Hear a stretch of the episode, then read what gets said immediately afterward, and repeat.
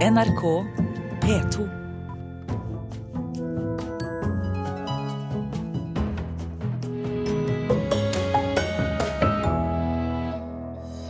Forlagene vil bekjempe ulovlig nedlasting av e-bøker. Bruk heller krefter på å lage bedre tjenester, sier Piratpartiet. Dansker er langt mer interessert i tapet av Slesvig-Holstein i 1864 enn av Norge i 1814. Og vår anmelder har funnet frem til en plate han mener bør glemmes fortest mulig. Det er den siste fra Britney Spears. Kan du vise meg om å drømme at du bare blir sann? Sommerfugl i vinterland. I Tromsø lærer utlendinger norsk på konsert med Halvdan Sivertsen, og en forsker mener kultur må brukes mer aktivt i integreringsarbeidet. Og det hører vi om senere her i Kulturnytt, Mugo Fermariello i studio. Du hører på Nyhetsmorgen i NRK. Nå setter flere bransjer inn støtet i jakten etter folk som laster ned innhold ulovlig fra internett. Det gjelder først og fremst musikk- og filmbransjen, men nå ønsker også Forleggerforeningen å bekjempe piratnedlasting av lyd og e-bøker. Skal vi prøve på Jo Nesbø og se om den er. Skal vi se. Dette er en ulovlig side. Og her har du, Nå var det bare politiet vi så på, som er det hans nyeste. Den, de bør ikke ligge her. Administrerende direktør i Forleggerforeningen, Kristen Einarsson, ser hvordan e-bøker og lydbøker spres ulovlig på nettet. Forleggerforeningen står bl.a. sammen med Norsk Videogramforening bak initiativet Rettighetsalliansen, som skal bekjempe krenkelser av opphavsretten. Selv om film- og musikkbransjen er de mest utsatte, frykter også Einarsson konsekvensene av ulovlig nedlasting av lyd- og e-bøker. Det blir færre midler til den som skriver, som gjør det mindre sannsynlig at den, som en forfatter kan fortsette å skrive. Og det gjør også at uh, hvis forlagene får mindre inntekter, så blir det også mindre mulighet for å gi ut nye utgivelser. Så dette handler om å holde bredden oppe. Uh, og da må vi sørge for at folk uh, gjør opp for seg når de skal bruke åndsverkene. Forleggerforeningen ønsker snart gjennom Rettighetsalliansen å ta i bruk den nye åndsverksloven som trådte i kraft 1.7. Den åpner for at eiere av opphavsrettslig materiale kan samle inn og lagre IP-adresser uten å måtte søke om konsesjon, for å kunne se om noen driver med piratvirksomhet. Alt de trenger å gjøre, er å sende inn en melding til Datatilsynet. Men ifølge direktør i Datatilsynet, Bjørn Erik Thon, har tilsynet fått svært få henvendelser etter loven trådte i kraft frem til nå. Det som er nytt, er at flere av de ja, la oss kalle det seriøse aktørene som har en helt klar interesse i å beskytte eh, opphavsretten til eh, de kunstneriske produktene sine, nå har kommet på lista.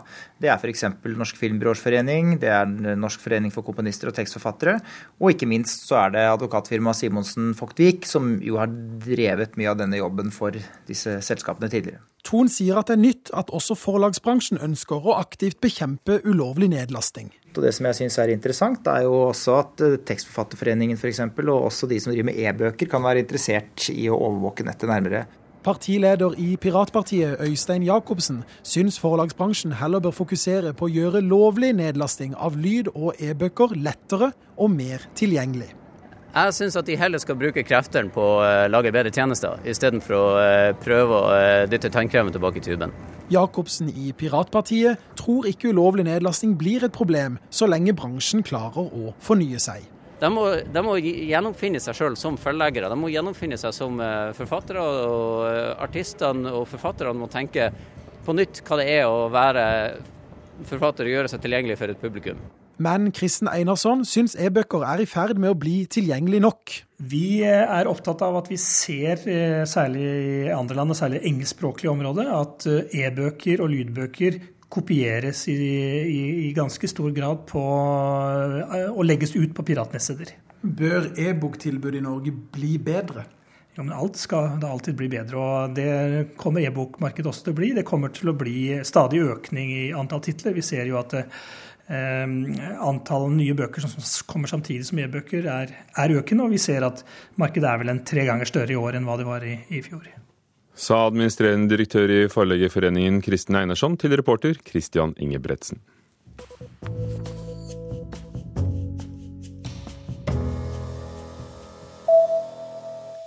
Den islandske allmennkringkasteren sier opp 20% av de ansatte. 60 av i alt 300 måtte slutte. Alle eksperter på gammel musikk, jazz, klassisk og pop måtte gå på dagen i går. Også nyhetssider er rammet. Seks nyhetsreportere forsvant i dragsuget, heter det i en melding fra det islandske journalistforbundet. Det har vært tre sparerunder tidligere, siden 2008, men direktøren for radio- og TV-stasjonen hevder at de vil opprettholde det programtilbudet de er forpliktet til.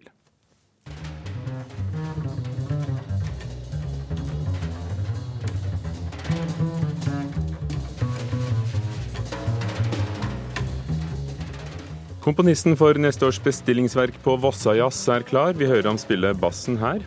Sjefen for Vossajazz, Trude Storheim, gir oppgaven til bassist Mats Eilertsen fra Trondheim. Han er en av Norges eh, dyktigste eh, og kanskje mest eh, verdsette bassister.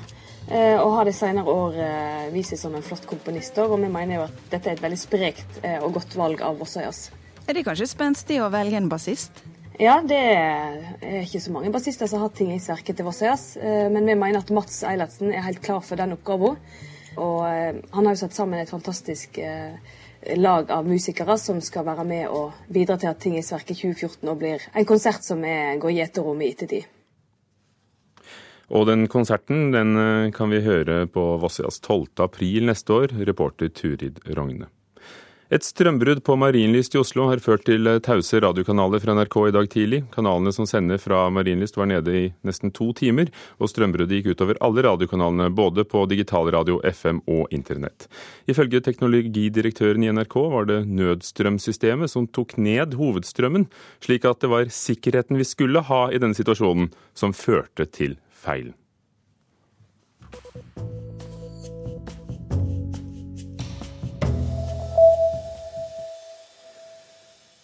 Bare bildet er nok til å sette i gang de norskeste av minner, Eidsvollsbygningen. Karsten Ankers gamle hovedgård, sete for riksforsamlingen i 1814, og i dag overtar Statsbygg huset etter en to år lang restaurering til 384 millioner kroner.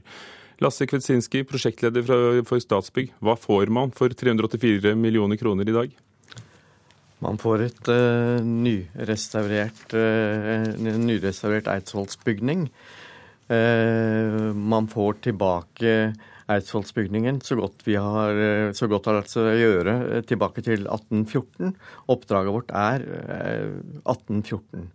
Føre bygningen mest mulig tilbake. Det har jo skjedd veldig mye underveis i bygningen. Man har pyntet på tingene. F.eks. i Rikssalen så ble vel den første restaureringen gjort av Grosch i sin tid, i 1850-tallet. og Han tapetserte Rikshallen. Så har man senere dyttet sparklet igjen noen vegger og gjort det så pent man kunne. Og nå er vi tilbake til, til 1814. Men der er det jo forskjellige skoler, fordi dette er jo også en del av historien. Og Grosch var jo en betydningsfull arkitekt. Hvorfor er det riktig å ta bort det og gå lenger tilbake, eller hvordan har de gjort disse valgene? Ja, Nå er jo, kan du si, akkurat den Grosch-tapeten er nå blitt borte for lenge, lenge siden. Og de valgene som, som er gjort, er, på, er, er, gjort, kan du si, altså det er Kulturdepartementet som jo har gitt oss den oppgaven å føre det tilbake til 1814. Og det har vi tatt alvorlig og gått tilbake i kildene, og er der vi er i dag. Hvor mye har dere visst om hvordan huset sto den gangen? Det er jo veldig mange kilder. Både skriftlige kilder og det er en del tegninger. Man har f.eks. når man kan se på Rikshalens vinduer, hvor man jo har 48 smårutete glass i Oskar Wergelands maleri fra 1880, så vet man jo at, man, at i branntakster f.eks. fra 1827 står at det er tolv meget store ruter i Rikshallen. Dette er veldig gode kilder, og når vi i tillegg er der at håndverkeren som holder på, faktisk ser at her har det vært noen inne og gjort en jobb i mellomtiden, og skiftet ut fra store glass til små ruter. Antageligvis fordi store glass var svært dyre å erstatte med hvis man hadde brekkasje. Så hva har dere gjort nå? Nå har vi kan du si, tatt ut de sprossene som ble satt inn en eller annen gang, og vi har fått tilbake de store glassene i rikssalen. Men er det da en fantasi over noe som har vært, eller er det det huset som var? Det er det huset som var så langt vi kan, men det er klart at dette her blir jo, blir jo på en måte vi, vi, bygger jo om for å få til situasjonen sånn slik den så ut i 1814, og det er vårt oppdrag. Det har vært sånn at Kulturdepartementet her har eid Eidsvollsbygningen og, og gjør det formelt frem til 1.1, og så overtar Statsbygg. Hva kan dere gjøre som unngår at man må ha sånne maratonoppussinger igjen? For uh, hadde det vært vedlikeholdt hele tiden, så hadde vi vel neppe vært der? Nei, det du kan si er jo at Eidsvoll, eller Eidsvollsbygningen, altså det Fordelen med den ordningen vi har ved at Statsbygg går inn og eier det, det er jo at vi konsentrerer oss jo om, om bygningen. Vi har jo en uh, husleie som dekker de kostnadene, og vi konsentrerer oss om det. Og det må ikke konkurrere med noen annen type uh, drift av museet, f.eks. Så vi konsentrerer oss helt ene og alene om bygningen. Og gjør det som trengs. Uh, har det vært mulig å gjøre alt slik dere ønsket i disse årene? Jeg mener vi har fått til Ja, jeg mener at vi langt på vei har fått til det. Og, og en av de andre viktige tingene i denne Eh, restaureringen, det er jo at man også har fått til en tilgjengelighet til bygningen. Slik at man nå f.eks. kan komme med en rullestol opp i, i, i Rikssalen. Det er jo veldig flott at på en måte bygningen blir enda mer tilgjengelig enn det den har vært tidligere. Selv om det bryter med 1814-ideen? Selv om det bryter med 1814-ideen, så var det slik at Karsten Anker han bygde jo om dette bygget, og i denne ombyggingen så ble det masse kott fordi han eh, ja, Helt naturlig. Eh, og vi har brukt et av disse kottene til å sette inn en heis. Det har vi fått lov til av Riksantikvaren. Takk skal du ha. Lasse Kvitsinski, prosjektleder for Statsbygg, som overtar Eidsvollsbygningen i dag. Og den åpner da 16.2 for grunnlovsjubileet som starter da. og Da starter det på TV osv. Og, så og den 18.2 da kan folk flest få se huset når Eidsvoll 1814-stiftelsen overtar eh, og åpner det for oss. I Danmark eh, derimot, eh, der, eh, der, skal de også feire det norske grunnlovsjubileet, men det er ganske beskjeden. For mens det her til lands brukes flere hundre millioner kroner på grunnlovsjubileet, og det foreløpig er planlagt over 80 arrangementer neste år, er danskene langt mer interessert i 1864 enn i 1814. Men stortingspresident Olemic Thommessen var i København denne uken for å feire nettopp 1814. For det første så må jeg si at jeg er veldig Jeg må nesten si rørt det norske flagget var heist til topps ved siden av det danske ved inngangen til det danske folketinget.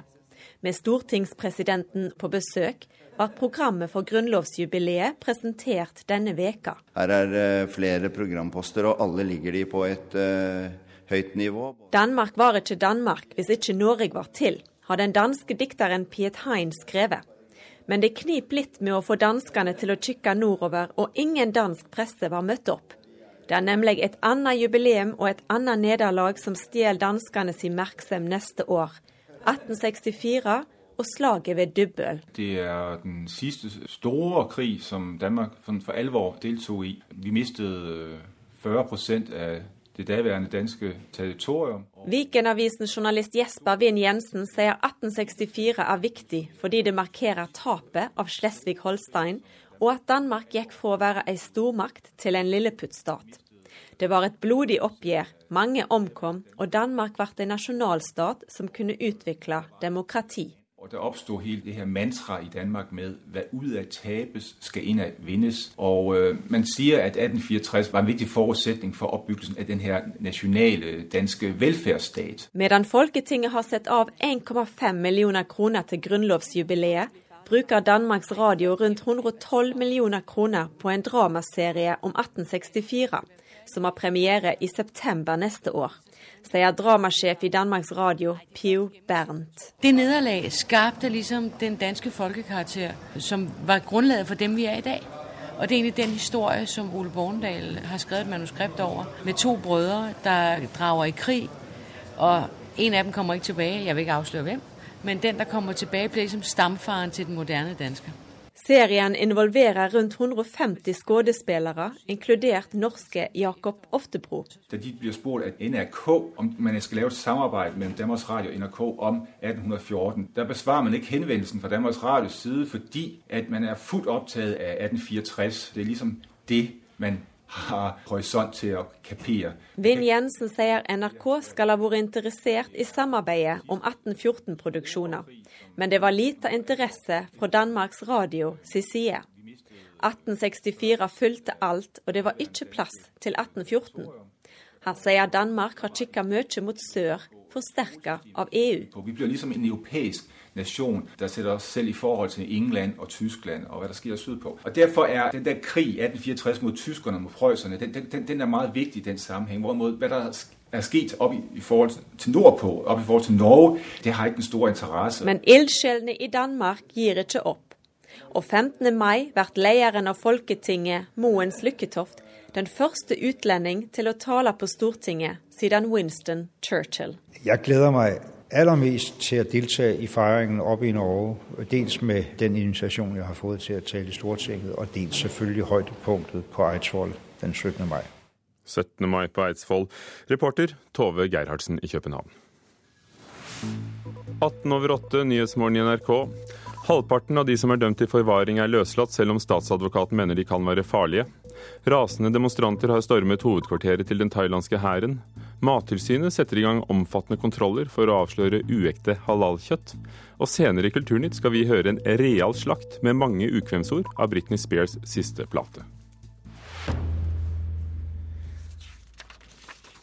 Internett er blitt renset. Det hevder kinesiske myndigheter når de nå oppsummerer sin offensiv mot såkalt ryktespredning på nettet som en stor suksess. Og AC-korrespondent Anders Magnus, eh, kan du oppsummere hva slags offensiv de har hatt på gang? Ja, Det er egentlig en politioffensiv. De har jo arrestert eh, mange såkalte ryktespredere. Dvs. Si folk som har kommet med kritikk mot kinesiske myndigheter på internett. Og eh, det er eh, hvis man får over et visst antall treff at man får eh, så og så lang fengselsstraff.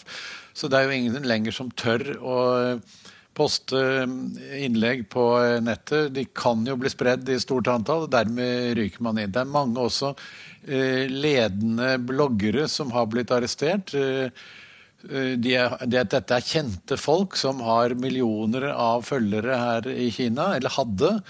De, mange av dem har fått uh, lengre eller kortere fengselsstraffer og, eller blitt internert, uh, og de er forsvunnet helt fra nettet nå. Den store, ikke brannmuren, men den store jo brannmuren, ikke store muren, men store brannmuren er det blitt kalt. Men, men, hvordan gjør de det? Hvordan har de et apparat til å overvåke internett blant så mange mennesker? De har jo veldig mange som følger med. Det er jo egne firmaer som driver med å slette og sensurere nettet. Og eh, da rapporteres det selvsagt også hvem det er som skriver eh, innlegg som eh, myndighetene ikke liker. Det, er jo hundretusenvis av mennesker i Kina som har en sånn jobb. og Mange av dem er ikke nødvendigvis spesielt ideologisk opptatte heller, men det er en god betaling for å sitte og, og slette og sensurere på internett. Og myndighetene får rapporter, og de som da er uheldige og har skrevet innlegg som myndighetene ikke liker, de får eh, som politiet å gjøre. Men eh, det er, det er en operasjon som innebærer rett og slett eh, fysisk overvåkning av nettet ved mange øyne, i tillegg til at de selvfølgelig også har dataovervåkning, slik som amerikanerne har vist at de har til fulle siste tiden. Har de i virkeligheten lykkes med å, det de kaller rense nettet, eller finner opposisjonen nye rom? Det er ikke noen opposisjon på den måten. Det er ikke noen organisert opposisjon i Kina i noe særlig stor grad. Det finnes mindre grupper av intellektuelle som er kritiske til selve systemet. Men det, eh, det som myndighetene nå har angrepet, er jo også vanlige folks eh, utbrudd av kritikk. Ikke nødvendigvis over systemet eller kommunistpartiet, men kritikk av korrupte offentlig offentlige ansatte om eh, ting som ikke fungerer. Alle sånne ting er også nå blitt vanskelig å kritisere. Og de, ja, de har klart å, det de kaller rense internett for kritikk. Det er veldig få som tør å skrive kritiske innlegg på internett i disse dager. Og det som tidligere var en blomstrende bloggosfære her i Kina, har forsvunnet helt. Takk skal du ha, Anders Magnus, Asia-korrespondent. Flere møter med musikk og annen kultur vil føre til en bedre integrering. Det mener sosialantropolog ved Universitetet i Tromsø, Bror Olsen. I Kulturhuset i Tromsø venter en hel gjeng fra norskkurset på voksenopplæringen spent på å se en av sine favorittartister på scenen. Jeg gleder meg til Halvard Selversen. Forventningene er store bare minutt før dørene åpner. Særlig denne eh, sangen Sommerfugler i vinterland. En, to, tre. Og du ga meg et smil. De kommer fra land som Brasil, Filippinene, Somalia, Uganda, Syria. Alle er de nye i nord. Nå skal de få oppleve artisten bak sangen de sjølve har øvd inn på norskkurset. Sommerfugl Backstage syns Halvdan Sivertsen at dette er stas. Jeg syns det er rørende begge deler. Både at de kan sangen og at de kommer på konsert, syns jeg er veldig veldig fint. Så det er integrering i praksis. Veldig flott. Og det poenget er sosialantropolog Bror Olsen enig i. Det er en arena som ikke er så veldig fremmed, for selv om musikken er forskjellig, ikke sant, så er det noe sånn grunnleggende kjent i det at det er musikk. Det er en måte å få folk til å, å føle seg hjemme og møtes på en litt mer nøytral arena enn veldig mange andre arenaer. Burde en satse mer på ting som ja, musikk, kultur, og møtes eh, gjennom sånne ting. Det er aktivitet og det å gjøre noe sammen, og det tror jeg er veldig bra. At ikke folk som kommer hit og går på voksenopplæringa, bare møter et uh, kjølig byråkrati. Da. Det er jo det som er faren. Tilbake i konsertsalen blir flere mobilkamera løfta mot scenen. Nå kommer den. Hva kan du vise meg om å drømme at du bare blir sann. Sommerfugle i vinterland.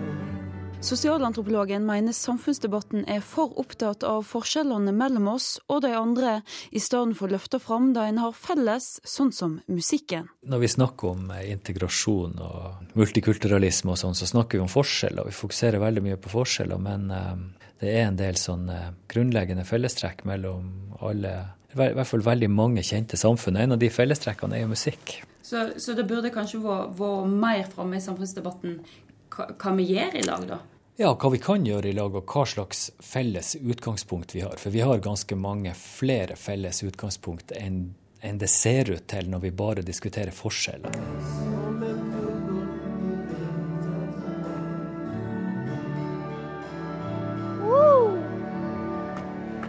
Hva synes du? Jeg synes eh, konserten var eh, veldig, veldig fint. Jeg håper at han kommer tilbake neste gang. Vil du gjerne på konsert med han igjen? Ja, selvfølgelig. Og reporter i Tromsø var Stine Homedal. Hovedsak i Kulturnytt i dag. Forlagsbransjen vil bekjempe ulovlig nedlasting av lydbøker og e-bøker. Rulleteksten Hanne Lunås teknisk ansvarlig, Gjermund Jappé produsent og Ugo Fermarello programleder. Dette er Nyhetsmorgen. Hør flere podkaster på nrk.no podkast.